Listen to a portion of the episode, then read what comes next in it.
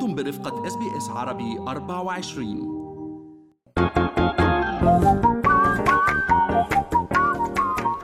أهلا بكم في فقرة منوعات من Good Morning Australia أنا فارس حسن ودائما نتناول في هذه الفقرة أبرز ما شغل مواقع التواصل الاجتماعي في أستراليا وحول العالم. طبعا حفلة تايلر سويفت وهي جزء من جولة تقوم فيها بهاي المنطقة شغلت ال social media وكل الحديث عن هذه الحفلة بال MCG بملعب الكريكت في ملبورن بحضور عشرات الألاف من محبيها حوالي 600 ألف تذكرة بيعت ويعني من الجولات الموسيقية اللي حظيت بكثير تغطية إعلامية كبيرة نظرا لشعبية تايلر سويفت. وسط كل هذه القصص كانت قصة حزينة الحقيقة لشابة فتاة صغيرة اسمها ميكا بوكيرير كانت تتطلع لهي الرحلة. هي عايشة بالجولد كوست كانوا بدهم يطلعوا أو طلعوا بالفعل يعني ب road trip على ملبورن شارين تذاكر معها أختها الصغيرة فريا لعمرها عشر سنوات.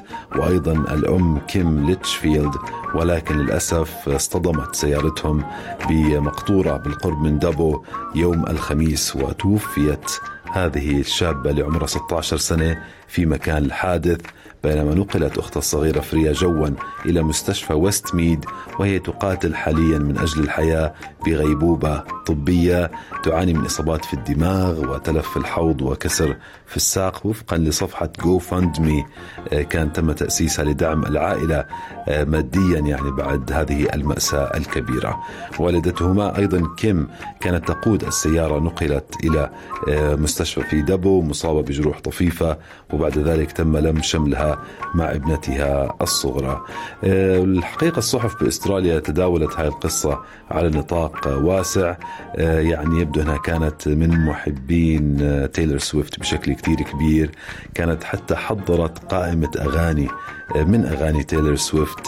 حتى يسمعوهم على الطريق. عم نحكي عن حوالي 17 ساعة رحلة بالسيارة حتى تشوف نجمة البوب المفضلة لديها. ما قدروا أنه يحضروا وتركت المقاعد الثلاثة فارغة بملعب ملبورن للكريكت بعد هذا الحادث المأساوي. رح ننتقل إلى خبر آخر على ال BAFTA Awards وكما كان متوقعا يعني على نطاق واسع فيلم أوبنهايمر الملحمي عن صانع القنبلة الذرية بسبع جوائز فاز بسبع جوائز أفضل فيلم أفضل مخرج أفضل ممثل في حفل توزيع جوائز الأكاديمية البريطانية السابع والسبعين. كريستوفر نولان حصل مستحقا الحقيقة على جائزة أفضل مخرج عن هذا الفيلم كيليان ميرفي على جائزة أفضل ممثل عندما جسد دور جي روبرت أوبنهايمر وهو أبو القنبلة الذرية.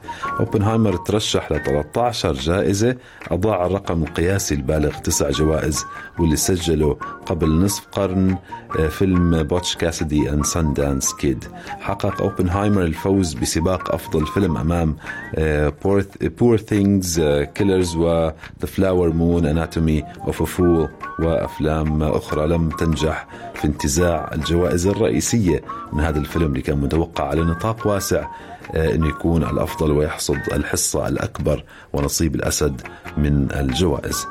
رح نختم جولة منوعاتنا أيضا بخبر شغل مواقع التواصل الاجتماعي.